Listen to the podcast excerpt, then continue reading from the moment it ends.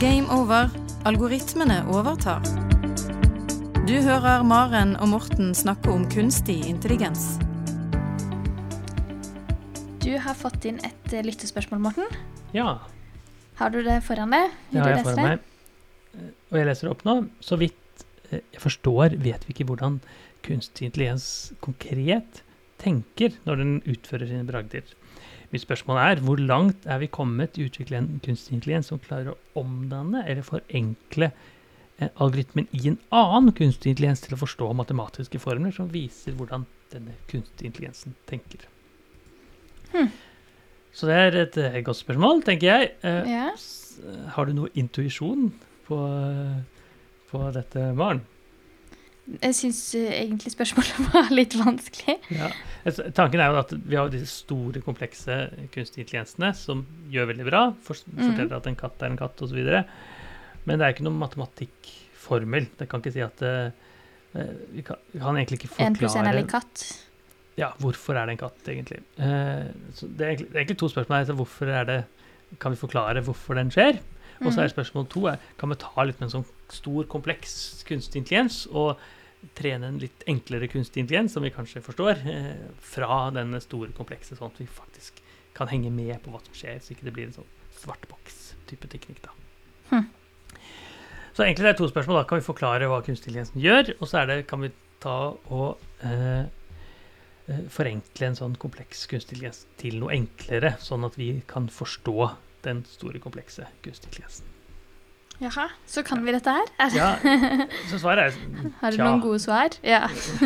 så, så for å forklare en kunstig intelligens, så er det flere ting som må på plass. Og hvis man tenker at det er en stor sånn nevralt nettverk med masse nevroner og masse synapser osv., så, videre, så er det vanskelig å, å forklare, for det er så enormt mye som skjer. Og så egentlig så pleier vi å dele forklaring i to. Eh, det er en tolkning og forklaring. Tolkning Mm. og forklaring er liksom no, noe forskjellig.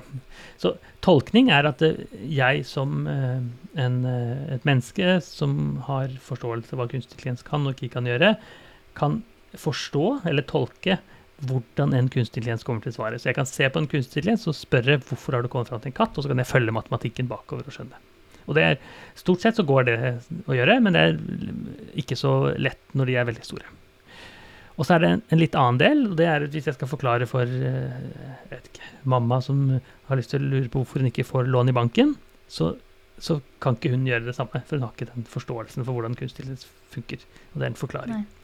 Og på den siste biten der så mangler det vesentlig mye. Der er det ikke sånn. Jeg kan ikke spørre en kunstighet hvorfor fikk jeg ikke lån, og da vil hun få en sånn matematikk eh, matris eller noe sånt. Og det er liksom, jeg, så det de som har jobbet med for, intelligens, eh, ja. henger med. Nettopp. Mens eh, den vanlige personen i gata vil ikke Mm. gjøre det.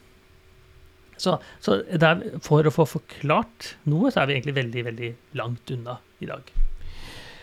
Men det som egentlig er ganske mye forskning på, og som egentlig er utrolig spennende, det er, det er noe som kalles destillasjon av kunnskap.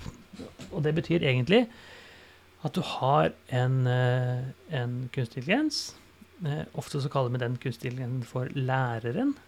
Mhm. Og så har du en annen kunstig intelligens som man kaller for studenten. Og så skal den læreren lære studenten. Og studenten er da en enklere form for kunstig intelligens. Så vi ser for oss at vi, la oss si vi har tatt en stor, kompleks kunstig intelligens med eh, millioner av nevroner i seg, eh, og klarer å skille en katt og en hund fra hverandre kjempebra. Eh, Mhm. og så tar vi en mye, mye enklere kunstig intelligens. Og det- den, den lærerkunstig fungerer utrolig bra. Ja. Nesten 100 eh, Mens den eh, studentkunstig eh, som er mye enklere, og vi kan kanskje kanskje bare ha noen hundre tusen, eller kanskje bare noen tusen nevroner, eh, så kan man bruke eh, Ta hvilket som helst bilde fra internett, eh, sende den inn i læreren, og så sier læreren 'dette er en katt', og så kan du bruke det bildet fra internett, eh, både bildet og hva enn den læreren forteller er, Ja. til å trene opp den enklere kunstig intelligensen. Da får du masse, masse, masse data, eh, og du trenger ikke, trenger ikke eksperter til å si forskjell på hund og katt mennesker, men du kan liksom bruke den læreren til å trene opp den enklere kunstig I stedet for å ha masse eksempler du sender inn, på en måte. Men hva er fordelen med å ha en sånn en enklere algoritme? Sparer det plass eller tid? En, en eller? er, en av ja, spare plass er en av dem, men det er ikke den store fordelen, for det har ikke så enormt Ja, det har litt, men ikke så enormt, egentlig. Men det, altså det bruker mindre energi på å trene opp. Man kan ha den f.eks. i mobiltelefoner istedenfor på superdatamaskiner. Ja. Eh, Men også egentlig mer knyttet til spørsmålet hans, er at det, det er mye enklere å forstå når yeah. den kunstige intelligensen gjør noe rett, når det bare er noen tusen nevroner, enn når det er millioner, milliarder nevroner. Okay. Mm. Så det vi ofte ser, da, at vi får god At studenten, som i virkelig verden kanskje, ikke blir så god som læreren, men blir ganske god. Og kanskje god nok, ofte. Så hvis jeg skal bruke, lage en app for å kjenne igjen eh, planter, f.eks., så er jeg ikke sikker jeg trenger alle eh, alle nyanser og så videre. For det krever masse datakraft, og jeg må koble meg til en sky hos Apple eller Google eller noe sånt. Jeg kan få en enklere variant hos oss. Eller man kan ha en enklere variant på mobiltelefon når det er personvernsensitiv informasjon, f.eks. Kanskje jeg skal ha en overvåkning av et sykehjem.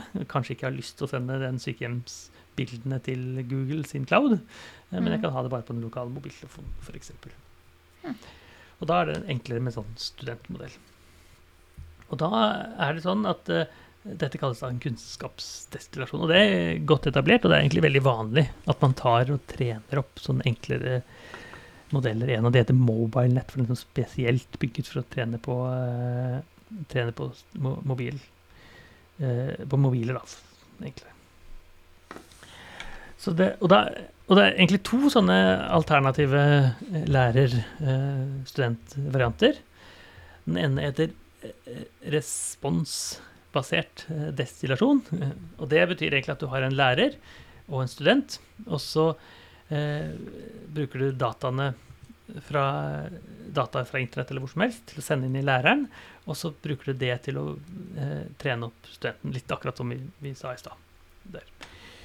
Eh, men så har du en annen variant som egentlig fungerer enda bedre. Eh, den kalles eh, feature-based eh, knowledge distillation, og det betyr egentlig at du har forskjellige konsepter inni den eh, store kunstig intelligensen. Så har du eh, Når du trener en intelligens, så forteller den alltid hvor godt uh, den gjør det. Altså jeg er med data så forteller jeg at jeg er 20% unna, jeg er 10% unna, jeg er 5% unna.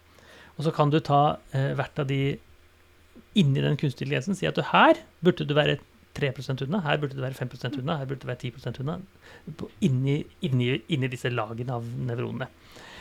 Og det viser seg at den måten å gjøre det på, klarer å trene veldig mye, mye bedre eh, lag for lag av studenten. Du kan altså si, du kunne nesten tenke da, istedenfor bare å tenke på studenthjerne, menneskelig som en, ekt, som en student, så kan du si at jo, du tar eh, frontallappen skal lære det, eh, bakdelen av hjernen skal lære det, mens baksiden av øyeeplet skal lære det, eh, på en måte. Stilig. Ja. Stilig. Og, og da viser det at man kan lære denne studentmodellen ganske ganske mye bedre enn hvis man bare tar alt sammen som en sånn stor svart, svart boks. Og da viser det seg at den kan skille mellom spesielle funksjoner til å trene opp en sånn eh, eh, en sånn elevmodell eh, som fungerer nesten like godt da, som en læremodell, men ikke like godt. Og da med den store fordelen at den har en, hvert fall en, en, den grenser til at den er lettere å tolke, men kanskje ikke forklare Mm. og at den går raskere. Og da for å, Hvis vi går tilbake til spørsmålet, så, og vi spør hans eller hennes, eh, hens kanskje, så er det da hvor langt har vi kommet for å utvikle en algoritme som forenkler? Jo, der har vi kommet veldig langt. Mm. Det er løst. Eh, men ikke til matematiske formler, på en måte. For det er jo fremdeles en kunstig intelligens, det er et nevralt nettverk med eh, selv tusenvis av eh, nevroner, er jo mye eh, der. Så det er Mm. ikke sånn at man kan si at nå får du en AX pluss B, er liksom det som er sånn formel for lineær, eller E lik MC-an, eller, eller hva man vil.